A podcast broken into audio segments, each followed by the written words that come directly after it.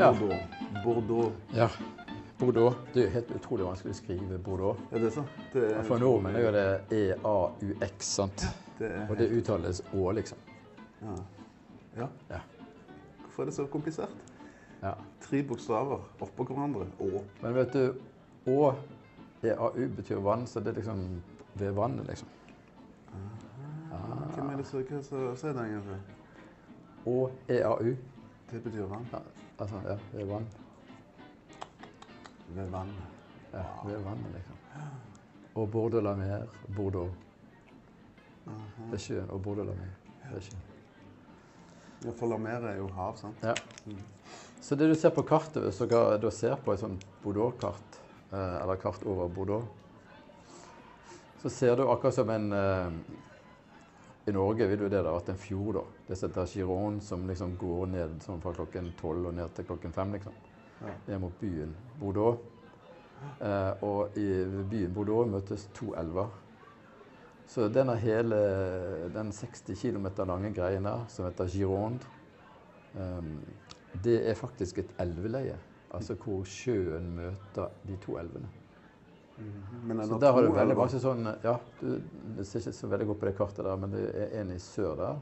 Ja, sånn. Så, så den, det gule der som heter Entre deux mer, Mhm. som betyr området mellom to uh, hav, på en måte. To sjøer. Det gule er liksom et område hvor som omkranset av to elver. Og den ene elven kommer jo da helt opp fra Pyreneene. Så det renner ut. Ja, så renner det ut der, og så får du tid Altså du har jo faktisk inne i byen Bordeaux, som ligger 60 km fra kysten, så har det faktisk effekten av tidevannet. Så det er enorme sånne strømmer der. Så det er ikke helt sånn åpenbart å kjøre båt i det området. Sånn Vasse sånn undervannsstrømmer. Så det er litt interessant. Og det gjør jo at eh, klimaet langs den lange Chiron, da, den lange sjø-elvemunningen, som heter Medoc, eh, den ligger jo i sjøen, da. Kan man si, sant? Hvorfor heter det Medoc? Nei, det vet jeg ikke. Det vet vi ikke. Og det har ikke så stor betydning heller. akkurat. Det har den betydninga at Medoc er jo et område som har en par egne klassifikasjoner. Og det er der du har liksom uh, dette jordsmonnet som er mest sånn grusaktig. Hvor, uh, som passer perfekt for karbanedruen. Så, og det er jo Medoc. Og så er det det området litt lenger sør som heter Pesac Leonia og Grav. Der er det også ganske likt eh, med, med hovedsakelig Cabernet Sauvignon. Og så når du går lenger inn i landet, da, på nordsiden av en av de to elvene, så finner du dette området rundt Saint-Emilion og Malot, som har litt annet jordsmonn, hvor du finner mest Merlot. Druen Merlot. Og drue Merlot er jo den druen som er mest beplantet i hele Bordeaux, altså. Det er jo liksom Hovedsakelig så er jo det mest Merlot, og det er rett og slett fordi at eh, de aller beste vinene da kommer jo fra, som er Cabernet-dominert, kommer jo fra Medoc, mens det hele det store området Bordeaux uh, De som har litt sånn lavere kvalitet, de bruker mest Merlot-druen. Så Hvorfor gjør de det? Fordi at det, den er mer sånn tilgjengelig, altså den modnes tidligere, den er lettere å håndtere, og så gir den ikke så stramme viner. Så derfor så er den litt sånn uh, mer uh, vennlig å bruke på det jordsmonnet som er resten av Bordeaux. så Cabernet er litt striere og mer uh, Den er mer tanninrik, ja, og så krever den eh, de beste områdene for å kunne modnes. For det, liksom, dette området her er liksom på grenseland av et vinområde som Cabernet Sauvignon kan gro og bli moden. Han trives helst best i enda varmere strøk enn dette her. Så da er vi godt i gang. Da har vi det, vet du. Bordeaux. Bordeaux. Nå er vi litt bored da, hele gjengen. Ja, at det har vært innlåst i I fire og We fem are quite bored. Quite bored. Quite bored. Litt borderline bored. Ja. Så det var liksom litt kjapp intro, da. Til, eh, så det er jo utrolig Når du ser på dette kartet, sant, så ser du masse forskjellige vinområder. Alle disse navnene er vinområder. Eh. Så det, du ser jo det er jo 50 forskjellige vinområder i Bordeaux.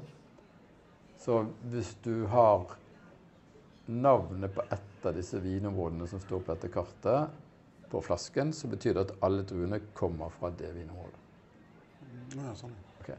Og hvis du har en blanding av druer fra forskjellige vinområder, så vil det stå på flasken bare Bordeaux. For da kommer det hvor som helst fra inni dette store området på 110 000 hektar. Som er liksom 110 000 fotballbaner, kan du si. Mm, Ja, det er stort. Eh, Det er svært. Altså det, dette er jo større enn Tyskland. I, altså, vino, altså, det er mer vinområder i Bordeaux enn de har i hele Ja, Tyskland. Så det er ganske stort. Det er tre ganger større vinområder i Bordeaux enn det er i hele New Zealand. Ja. Så dette er jo gedi 800 millioner flasker. ja. Hæ? I året. Produksjon. Kan du tenke deg? Og hvis du da betaler 10 euro i gjennomsnittspris, så kan du tenke hvor mye penger de tjener. Hvor mye dette utgjør av Det er verdi. dette. Det Dette er, jo dette er jo oljen til Frankrike. Det det. Men det som er så fint med oljen til Frankrike, er at den er renewable. Ja. Sant? Mm. Altså Alltid ny årgang. sant? Det er liksom ikke du tar det opp, og så Ja, da har du 90% mindre hvis du tar opp 10% igjen, og så er det 90 igjen. liksom. Altså det er med oljeproduksjon. Det er ganske sweet, altså. Men årgang er årgang, holdt jeg på å si. Så det er ikke noen forskjell på årgangene her som det er, er i ja, Burgund eller noen andre plasser. Det handler Det- om er det et bra år, er det en bra innhøstning, er det sant, mye sol, er det rett vind, er det de rette forholdene? Det er jo det som bestemmer den gode årgangen. Sant? Det er dette området her sant, som ligger ute ved kysten, akkurat sånn som Stavanger. Ja. Ut mot Atlanterhavet. Det er, ganske, det er egentlig ganske sør-vest i Så det er ganske Ja, da er det Du kan jo tenke deg da at akkurat som i Stavanger, så vil du ha masse forskjellige eh, somre. Ja. Noen er kjølige, noen er varme, og noen er våte, og noen er tørre. mm, Og sånn er det her i Bordeaux. At eh, de er ganske avhengig av eh, å ikke ha regn på et tidspunkt som er ugunstig for den som lager vin. Og for kvaliteten på druene, eh, altså mm, dårlige druer inn, dårlig vin ut, altså, så må du ha god kvalitet, og da er du avhengig av at liksom august-september, når det nærmer seg innhøstning, og under innhøstning, at da er det varmt. Da er det liksom eh, sol og varme, sånn at dette her blir god kvalitet på druene. Så det er de viktigste tidspunktene liksom, for at dette her skal gå bra. Um, så det er stor årgangsvariasjon i Bordeaux. Og det som skjer er at når du får en god årgang i Bordeaux, som følge av at uh, denne cabernet-druen da blir akkurat perfekt moden sant? For det som skjer hvis det er litt for mye regn, litt for mye skyer og litt for lite sol, så blir den litt undermoden i stilen, og da kan den bli litt sånn grønn og litt sånn eh, paprikaaktig, eh, som ikke er noe særlig godt. Sånn som De siste årene så har 2011 og 2012 for eksempel, ikke vært noen sånn veldig gode årganger. ja. Og det som skjer da, er at eh, du kan få Altså, gode managere lager som oftest gode viner hele tiden, kan du si. Men det kan jo være vanskelig å lage gode viner når, når, når druekvaliteten ikke er god nok. Eh, så du har årgangsvariasjoner hele tiden. Men det som skjer, er jo at eh, på disse druene som er fjerde og tredje divisjon, kan du si, så er det kanskje eh, årgangsvariasjoner, men prisen er forholdsvis jevn. Altså Koster flasken eh, 150 kroner eller 200 kroner, så gjør han det også i gode årganger. Men det som skjer når du har Hvordan klarer de det? Nei, det er jo altså Det er jo bare produktet som er annerledes. Eh. Og så etterspørsel er jo grei nok, for folk drikker jo vin. Sant? Jo, men jeg tenker du skulle tro at Hvis du har et bedre produkt, så øker jo òg prisen på det. Sant? Med årgangen enn Jo, men da- i 2012 enn Ja. i 2015. Det er klart at hvis du betaler 200 kroner for en flaske vin fra Bordeaux, så kjøper jo jeg alltid de gode årgangene hvis jeg kjøper den samme flasken. da. Hvis jeg har to forskjellige årganger på polet av samme flasken, eller samme produsent, samme slott, så kjøper jeg den som jeg vet er den gode årgangen. Ja, ja, det er klart. Det er jo klart. Men det er ikke alle som vet det. Sånn, ja. Er du med? Mm. Og de da. Ja. Og de som da eh, produserer disse toppslottene, og de er ute med doktor, og de aller beste slottene i Sankt Emilio og Pomerol, eh, altså de liksom La oss kalle det for topp 10 da, de aller beste. Der har du enorme prisforskjeller fra en god årgang til en dårlig årgang. Altså du snakker om sånn 30-40% kanskje. Sånn at eh,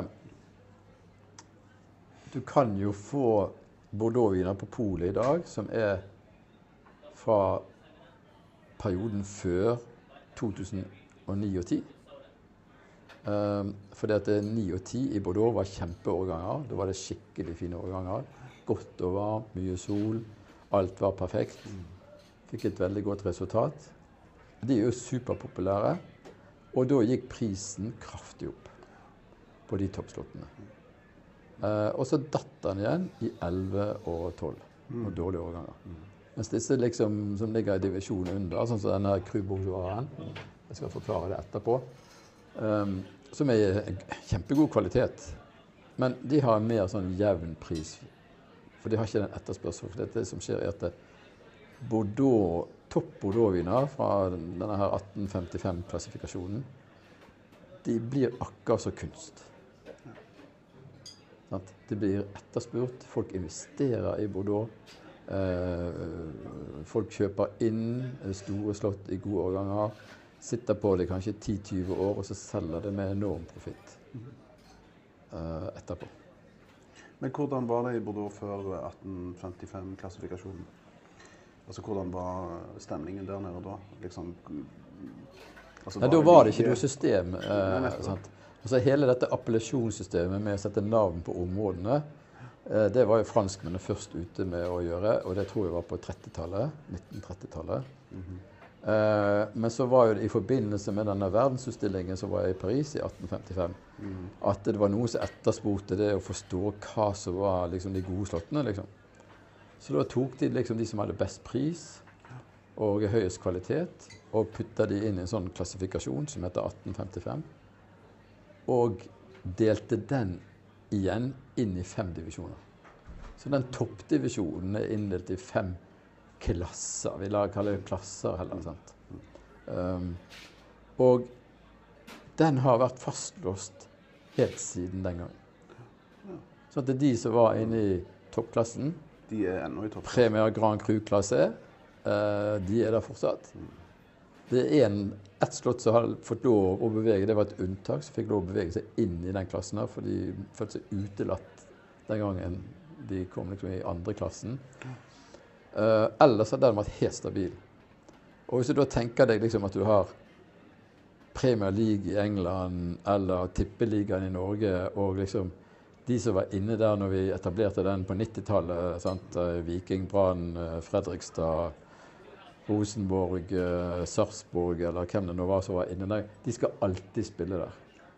Det funker jo ikke. Det funker ikke fotball. Og det funker ikke i Wien heller. Fordi at der er store variasjoner innad i de fem dagene, fem klassene. Pluss at det er også store variasjoner eh, av slott som ikke gjør det så bra som de burde, og som burde aldri vært inne i den klassifikasjonen. Og så er det andre som burde vært inne i den klassifikasjonen, men som er i en annen klasse, som aldri vil komme inn.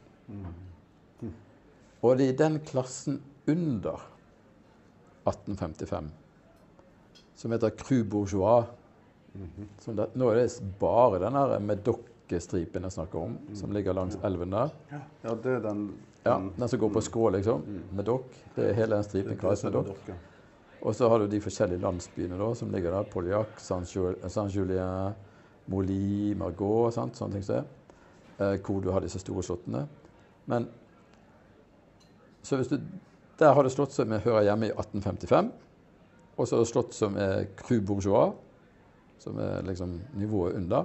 Og så har du de som har ingen av delene. Så det er på en måte tre grove divisjoner, på en måte. Men i den cru bourgeois det er der prisen er litt mer stabil. Både i gode årganger og i dårlige årganger.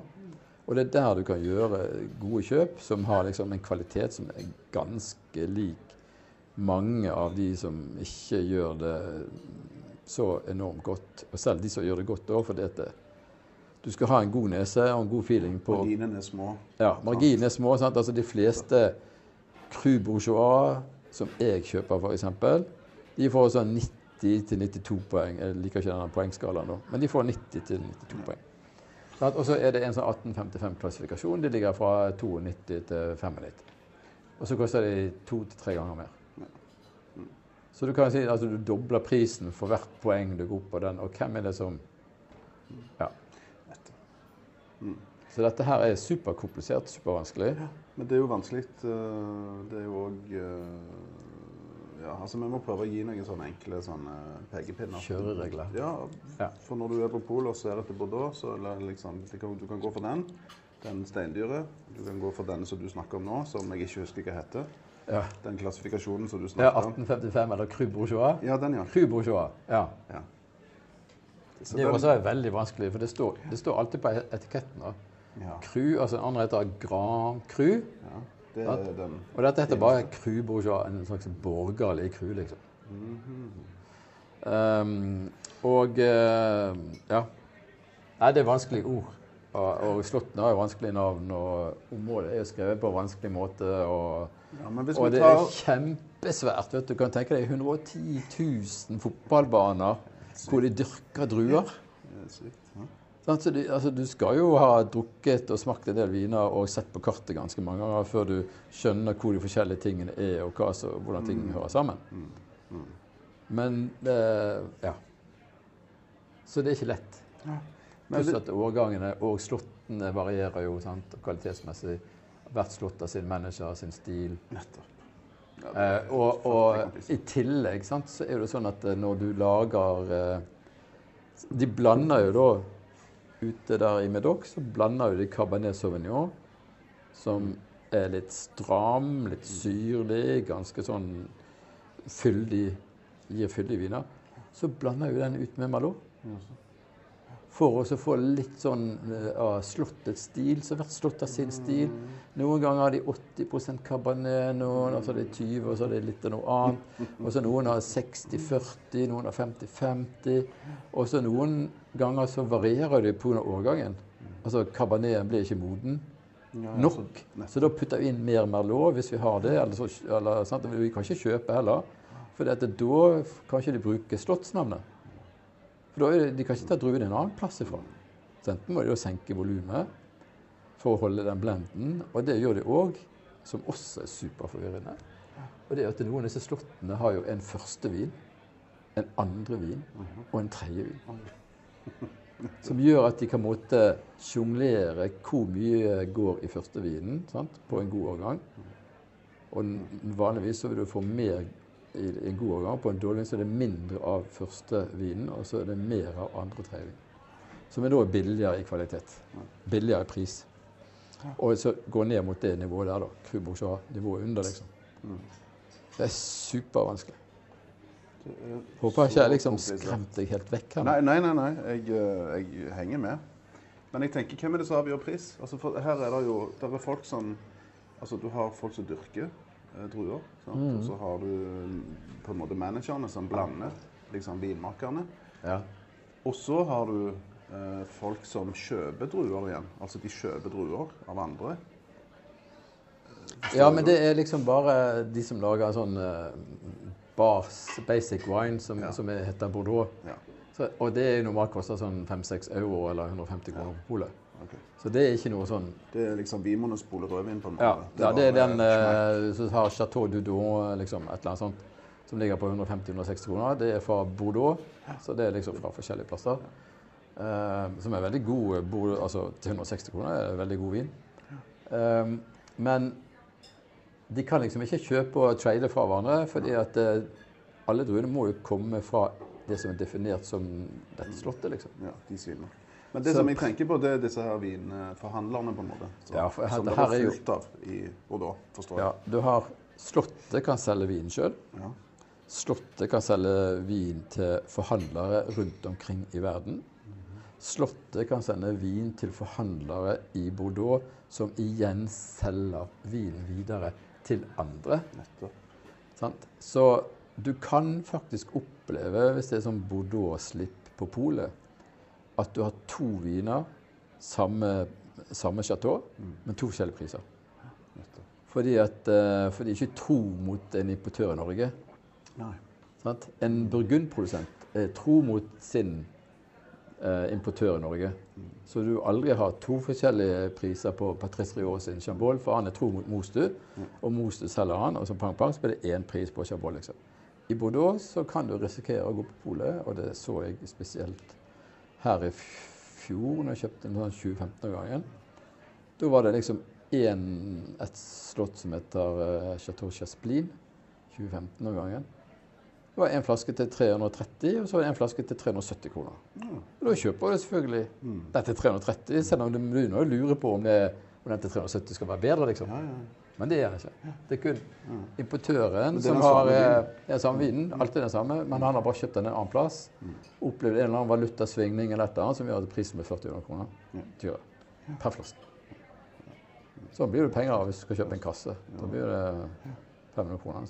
Ja, ja, det også. Ja. Det er komplisert. Det er komplisert. Så det som er, det som er råder folk til å gjøre, og meg sjøl inkludert, det er også å se på kartet. Altså at det er smart Ja, du må foran seg. øh, se litt på kartet, liksom bare forstå hva området Superkompleks område, vet du. Så ja. Nei, det er ikke, det er ikke lett, altså.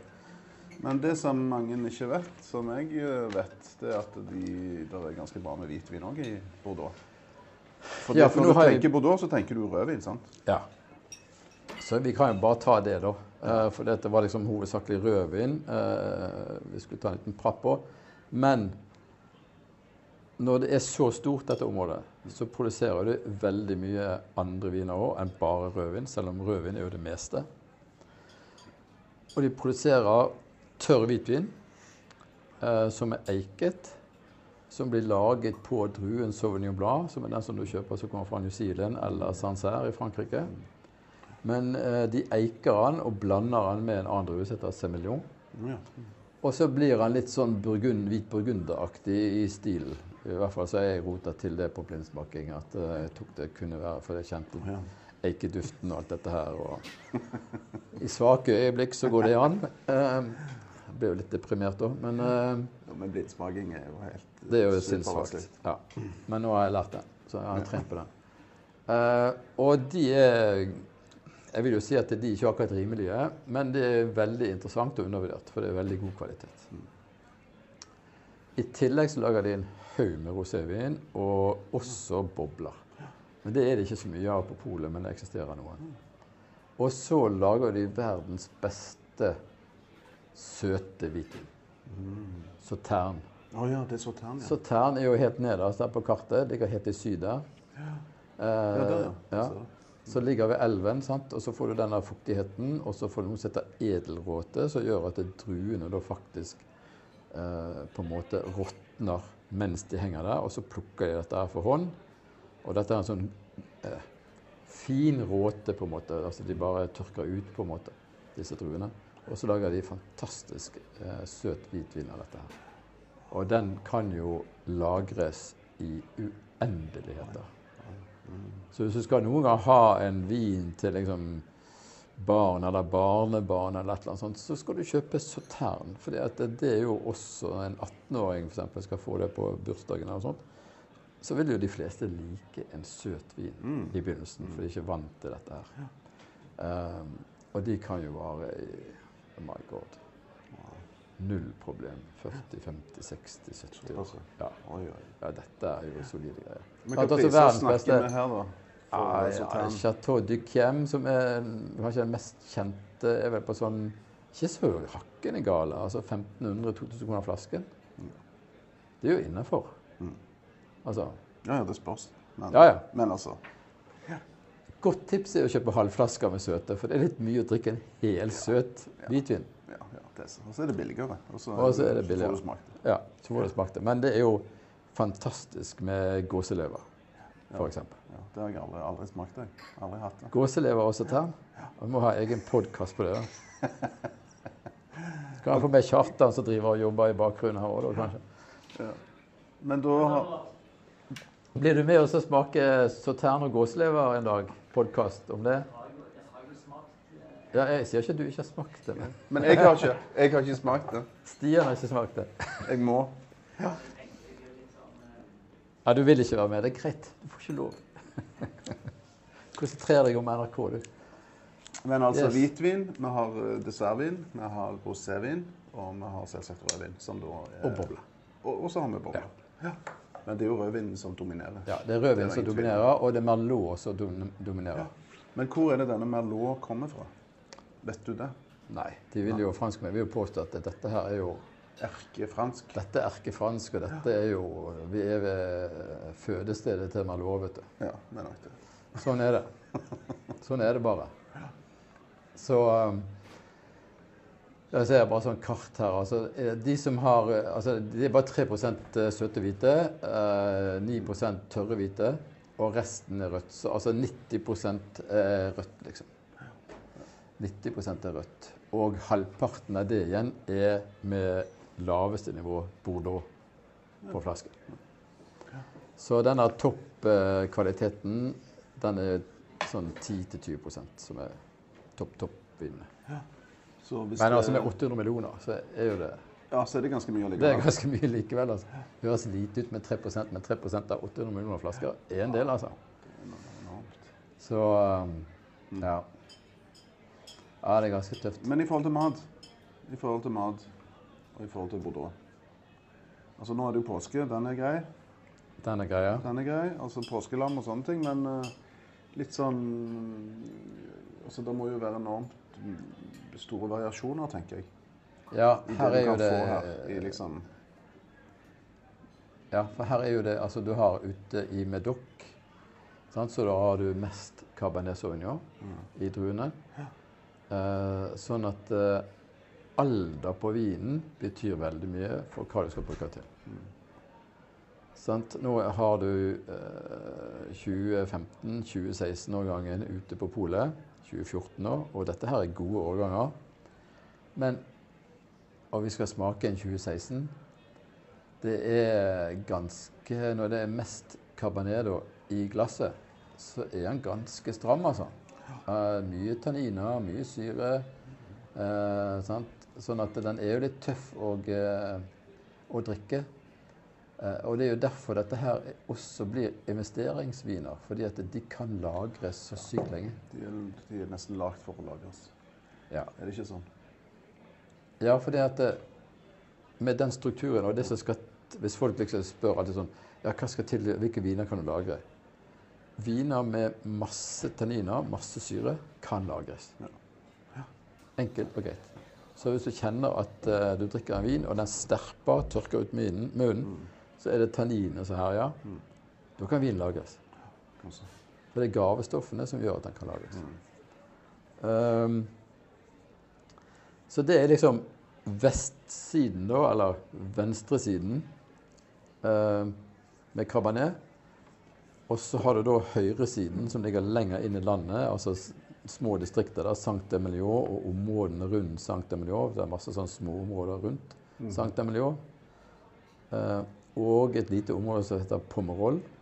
Ja. Der er det hovedsakelig Merlot-druen som er den dominerende i vinene, med litt grann i. Så der er den omvendte delen.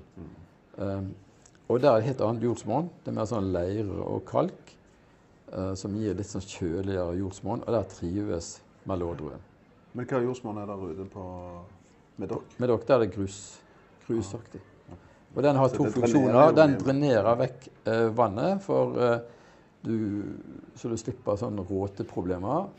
Um, og at planten mistrives med for mye vann, for det regner jo mer der ute enn det gjør lenger inne. Og så har han også den at det reflekterer solen, sånn at du får mer varme. Sånn. Så den har to, to dobbeltfunksjoner. Det er ganske greit. Egentlig så burde kabineten vært grodd lenger inn i landet hvor det er varmere.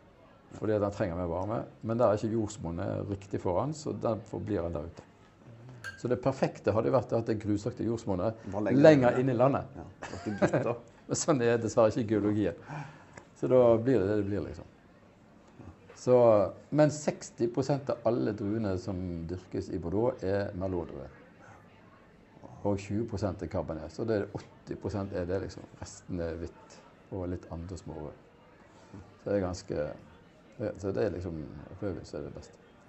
Så da når du spør liksom ja, hva skal du spise til, det er liksom litt to forskjellige viner. Når du har den Merlot-dominerte, så er den litt rundere, litt snillere i stilen. Eh, og du kan drikke den tidligere. Ja, ja. Men kan, mange av de kan fortsatt lagres like lenge som de andre. altså. Men hvor mange år snakker du når du snakker lagring?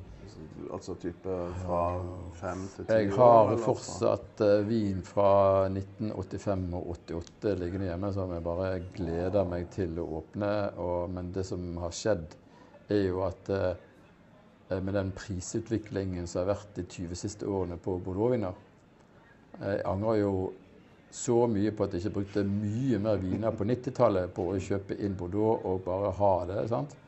For prisene har gått så sinnssykt opp med 2005-årgangen som var god, 9 og 10, eh, og liksom den økonomiske veksten. Så, så prisen på en sånn toppslott sant, har gått fra en tusenlapp på 90-tallet til 3000-5000 nå. Såpass.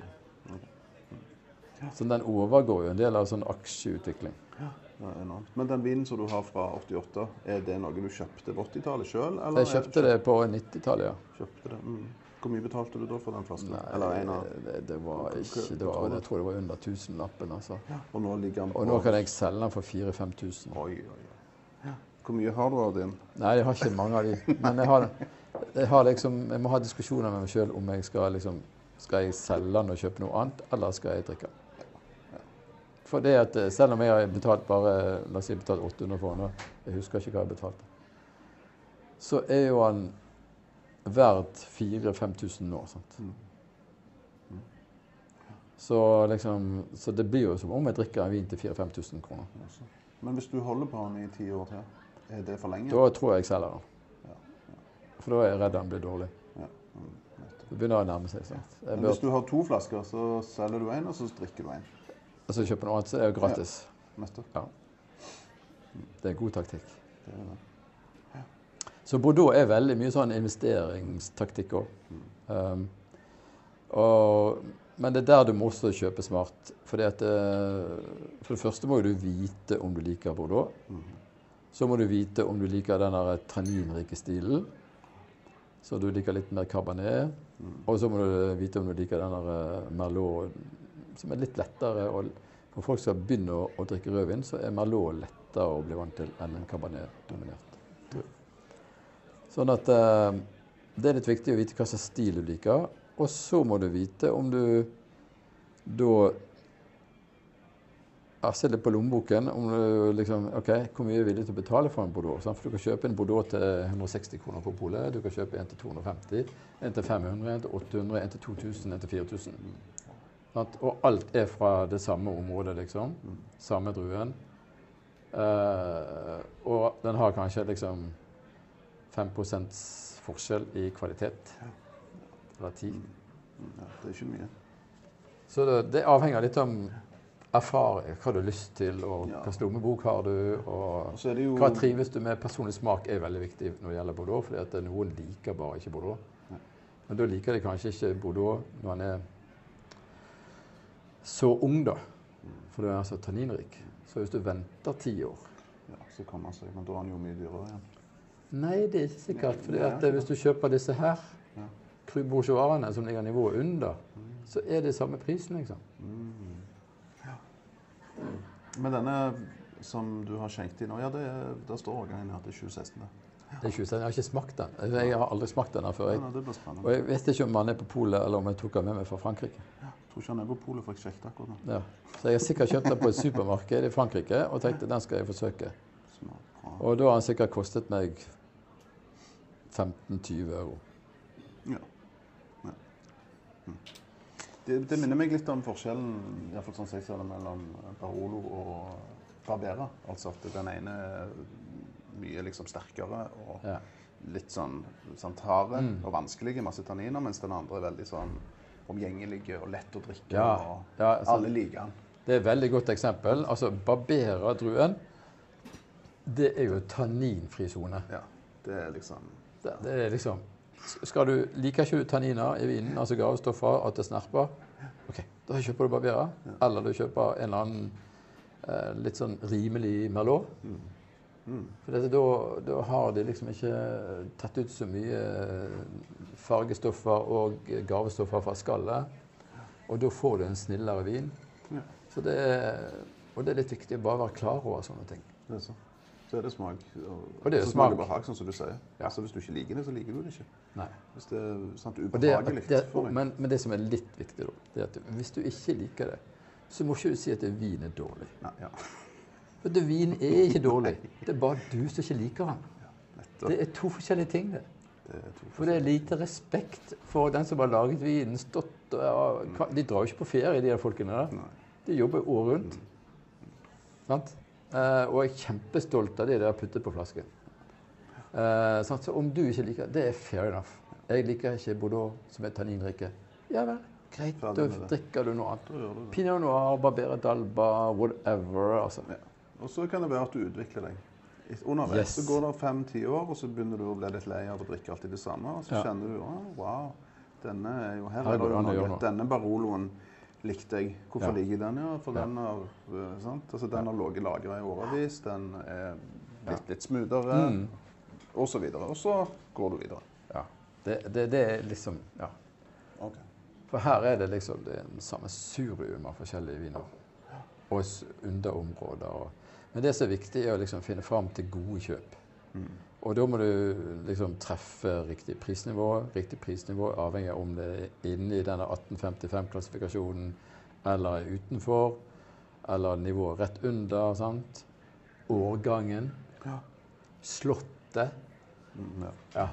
Det var noen slott som eh, alltid lager god vin, og noen slott som lager sånn middels vin. Så alle de variantene gjør at dette her er nesten umulig. Så du må liksom bare Denne likte jeg, denne var god. OK, men da kjøper du den. Og neste gang så forsøker du kanskje en annen i tillegg, Mm. så at du kanskje utvikler deg og har litt mer å rå. Og nå er det en del sånn bra på polet, da. Mm. De som vi hadde på livesendingen på, på, på tirsdag. Tour de By og eh, fra Medoc og eh, den 2015 der. Og Chateau Panet 2015 den var fra Sankt Emilio, som er som Malo. De to er gode. Og så har det en som heter Coufra, Mhm. eh, som er fra 2010. Den er litt dyrere da, men den er fortsatt under 300. Den er jo steingod. Eh, og da har han fått litt utvikling på seg òg, men har fortsatt strukturen og Mm. tanninen. Men du kjenner at den er litt mer roligere. Mm, men jeg foreslår at du samler de, eh, de eh, i, en, i en link eller noe sånt, så kan jeg legge det ut. Legge meg det ut. Så Mm. kan folk få de Ja. smake de. Men skal vi smake på den som du har antageligvis tatt med deg fra Frankrike? Som ingen vet hvor Så kommer fra. Han er jo fra Medoc, da. Eh, står det Å Medoc på han, eller står det bare Medoc? Da står Medoc. Ja. Så da, altså han er jo fra Medoc, og så er han da den klassen som ligger eh, unna. Ja, nei, fra, det står Å Medoc. OK. Eh, så da er han fra et område som er midt i Medoc der, rett ved siden av eh, Rett liksom oppå platået. Mhm. Overfor et, en, eh, et område som heter Saint-Julien, oh, ja, ja. som er et av de bedre områdene. da. Så han er midt i smørøyet, liksom. Og så er han klassifisert som en cru bourgeois, som er liksom nivået under denne 1855. Mhm. Så dette her, hvis vi sier liksom at 1855 er første divisjon, så er dette her andre divisjon. Liksom. Andre divisjon. Og så er det H Medoc. Men Ja. hva er det det betyr? Nei, det er bare navnet på det Det- området. Oh, ja, okay. Akkurat Så det er så, det er sånn subområde i Modoc, liksom. Så Du går liksom Storhaug, og så Skyviksmarka. Ja, du har liksom Bordeaux, Mm. som er eh, hele Nord-Jæren. Mm. Og så har du med Dokk, som blir liksom eh, Stavanger-området, og Randaberg sammen. Cirka sånn en liten halvøy. sant? Det blir Mm. sånn. Og så når du liksom på Åmedokk, så er det liksom, da er det mer Våland. Ja. Eller Storhaug. Dette. OK. Så, og eh, 2015 er bra. 2014 er bra. 2014 litt undervurdert. Den er nok litt rimeligere. Eh, og 2016 er steike bra. Så vi er litt, eh, vi er litt eh, heldige nå om dagen, for nå kommer det et sett med veldig gode Bordeaux-overganger. -hmm. Men hva er det som er Det har vi ikke snakket om. må de lagres i eh, Altså de, Nei, nå skal vi smake på den, og så må vi bestemme om vi skal lage. For det er litt sånn Ja. personal taste. Ja, men, men, men eh, det som jeg tenker på, må vinen være lagra i ett eller to år før den selges? Å ja. Nei, de har Altså, hva eh, er på en måte regelverket her? De har ikke noe sånn fast regelverk. Men det som er veldig vanlig på de beste slottene, når du kommer opp på dette nivået her, som er fra Medoc eller fra Sankt Emilion på Mål, eh, er at eh, de normalt sett er på eikefat fra ett til to år. Avhengig av årgangen, avhengig av kvaliteten, avhengig av stilen, avhengig av hva egentlig slottet ønsker å ha som sin stil. liksom. Så det varierer. Det er opp til de, altså. Ehm, sånn at ehm, Så hvis du da kjøper en som det bare står Bordeaux på etiketten, som kommer kos og hest fra, og som er mye rimeligere, så er det bare kanskje bitte litt av vinen, kanskje 10% av vinen som er på eik, og så blander de alt sammen etterpå. Altså 90 har vært på ståltank og 10% på eik, og så blander jeg alt og putter på flaske. Her har det nok uh, vært på eik, men det kan vi lukte. For mm. eik lukter jo. Uh, gir jo en viss aromastoffer. Uh, så det er jo også en annen ting. Liker du denne eikeduften, vet du? Sant? Ja. Det er jo også en ting som kan være litt utfordrende. Mm. Og hvis du ikke liker eikeduft, så er jo du Da sliter jo du. Hvis du er i Bordeaux, for å si det sånn. Ja, her da, eik. Det var jeg ikke tvil om. Ja. Wow, det lukter kjem. Så ofte, sant, eh, ofte når du har Her er jo det mest Cabernet Sauvignon, også det Merlot. Um, så når du har denne Cabernet Sauvignon-druen, så får du veldig ofte mørke bær. Altså du går mot solbær, blåbær, bjørnebær, altså sånne type mørke dufter sant? På, på den fronten. Og så kommer da eiken som duft nummer to. Sant? Og da er det mer sånn vanilje, nellik, sjokolade, røyk, sånne ting som det, som er liksom eiken. Så det er litt viktig å huske når du liksom skal smake på vin da, at eh, du må forsøke å separere de to duftene. Mm. Hva som kommer fra fat, og hva Ja. som kommer fra Yes. selve drua. Yes.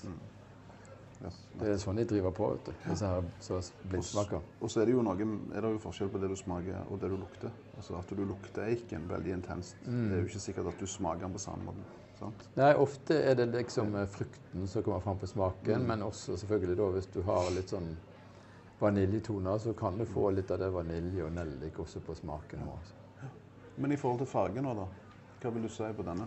Den ser jo veldig mørk ut. Ja, altså hvis du bare, Nå har vi skjenket litt oppi glasset, sant? Og, så, og så ser vi ovenifra og ned, så ser ikke vi fingrene. Da er han i hvert fall dyp på farge. Og så hvis vi lipp, vipper han litt på skrå, da, så er han så er han rød, men han har ganske litt sånn blåskjær i kanten. Mm, altså. Så den er litt sånn dyp rød-blå farge. Hva betyr Og det er et ganske sånn typisk tegn på at det er ung vin. Ja. Har en sånn rød-blå farge, så er det ofte en ung vin. Hvis han er rødbrun i fargen, så er Så er den den ofte eldre. Ja, er Eller hvis han bare lager. Yes. For han taper farge med tid. Ja, sånn.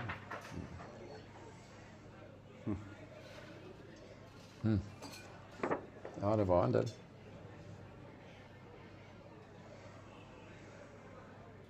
Ja, jeg tenker bær, altså solbær.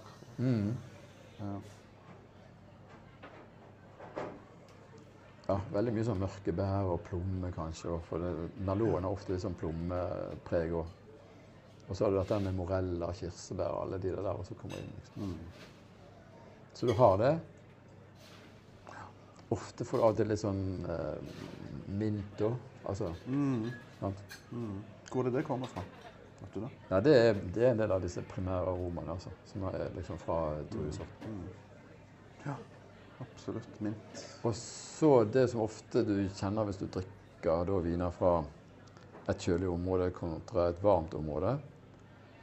Og også i Bordeaux, da, hvis du har en kjølig årgang mot en varm årgang, så vil du da kjenne på om den frukten du lukter, om den er moden eller på en måte litt sånn kjølig. Ja. Er du med? Ja. Altså hvis du har sånne kjempesøt pinot noir fra California, så lukter det syltetøy, liksom. ja. Så det er ikke tvil om at han kommer fra et varmt område. At det er et varmt klima. Og det forklarer det, liksom. Mm. Skal vi smake? Ja. Og så er det én ting som er ganske sånn typisk for bordeauxviner, som er litt høyere kvalitet. Og det er at de får en eller annen sånn mineralaktig duft som kan minne om blyantspiss. Ja. Og det er sånn typisk blir inni den 1855-klassen, at de har den blyantspissgreien. Det er jo liksom Da er det topp, topp kvalitet. Ja.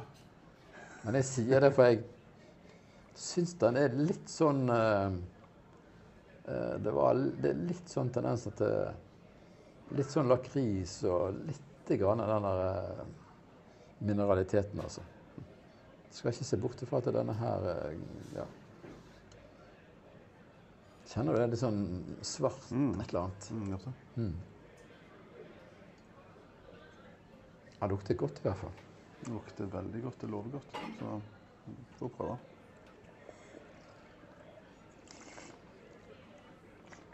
Så hvis du bare først da og bare kjenner Konsentrer deg om vanndriv i munnen. At du gjerne bare sildrer som en bekk ned på siden i munnen. sant? Du kjenner syren. At Cabernet Sauvignon har høysyre. Akkurat sånn som Nebbiolo-druen. Høysyre. Eh, så selv i varme årganger så har han høysyre. Du kjente liksom Det, bare, Ja, ja, ja, det var liksom det bare veldig frisk. sant? Men det var liksom, du, når du konsentrerer om det første gangen og Hvis vi tar én slurk til nå, og så konsentrerer oss om tanninene, eller gavestoffene sant? Så bare ta, så La det gå rundt tennene framover. Og så hvis du da kjenner at det tørker ut, så er det tannin.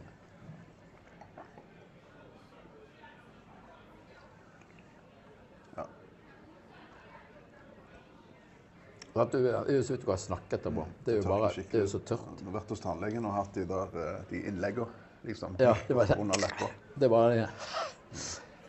Hæ? Kikke litt. eh. Det er akkurat som du må ha vann. Men jeg liker det. Jeg liker det òg. Ja, men, Det men nå har vi liksom konsentrert oss om å, å kjenne syren, så vi konsentrert oss om um, å kjenne på tanninene. Hvis vi nå bare konsentrerer oss om å kjenne på balansen mellom syre og tanniner og frukt, og lengden, så vil vi få en, et inntrykk av hva vinen egentlig er god for.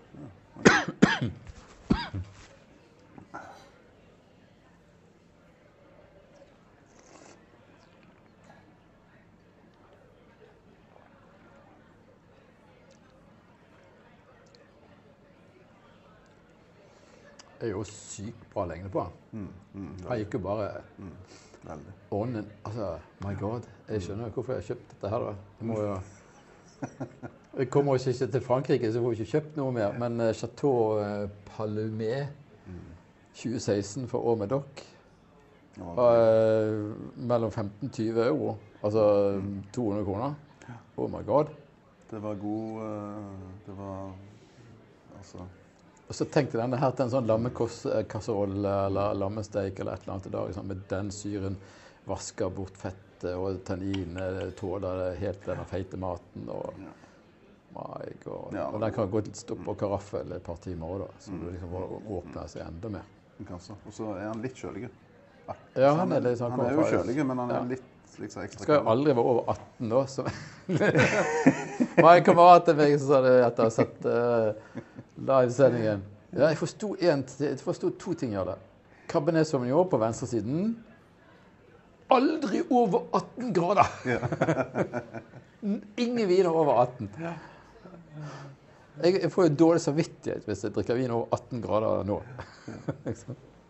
Ja, men det er grådig viktig, sant. Altså, du kan ikke sette en sånn vin opp på peiskanten og helle i glasset, og det er 28 grader. Da kan du heller bare koke den opp og servere den så- sammen med gløgg. Altså. Det er helt waste. Du kjenner liksom ikke tanninen, du kjenner ikke syren. Du kjenner ikke hva det egentlig smaker, altså, og du forstår ikke hvorfor du har betalt 250 kroner for en flaske vin. Og det er jo grunnen til at du ikke gjør det. Du serverer helt feil. Så Nei, han var veldig god. Uh, god balanse. Velbalansert, mm, vil en si. fin frukt. Ja. Og så var han ganske sånn Da er det mye av de der svarte aromastoffene, mørkebærene, også på smaken. Mm. Så det, var, det hang godt sammen. Godt håndverk. Ja. Ja, jeg må si. Det var imponerende. Ja. ja. Det er bra. Men nå kommer vel disse NRK-gutta snart, nå, så da må ja, vi vi skal filme. avslutte. Nå kommer de nå. Fint. Ja. Så vi bare avslutter her, da? Ja. Så Da- er det god påske, da. Da er det god påske. Og så hva var det vi ble enige om at vi skulle ha? Du har aldri hatt uh, gåselever og sånt men det må Ja. vi vente med til de åpner, sånn at jeg kan komme til Frankrike og kjøpe noe. Så får vi finne på noe annet. Til høsten, tenker jeg. Men eh, i mellomtida finner vi på noe annet. Ellers så er det god påske, og så håper jeg at dette her var Hva skal vi kalle det for? Krasjkurs i Bordeaux? Tror det. Ja. Den er god. Vi snakkes. Ha det bra. Ha det bra.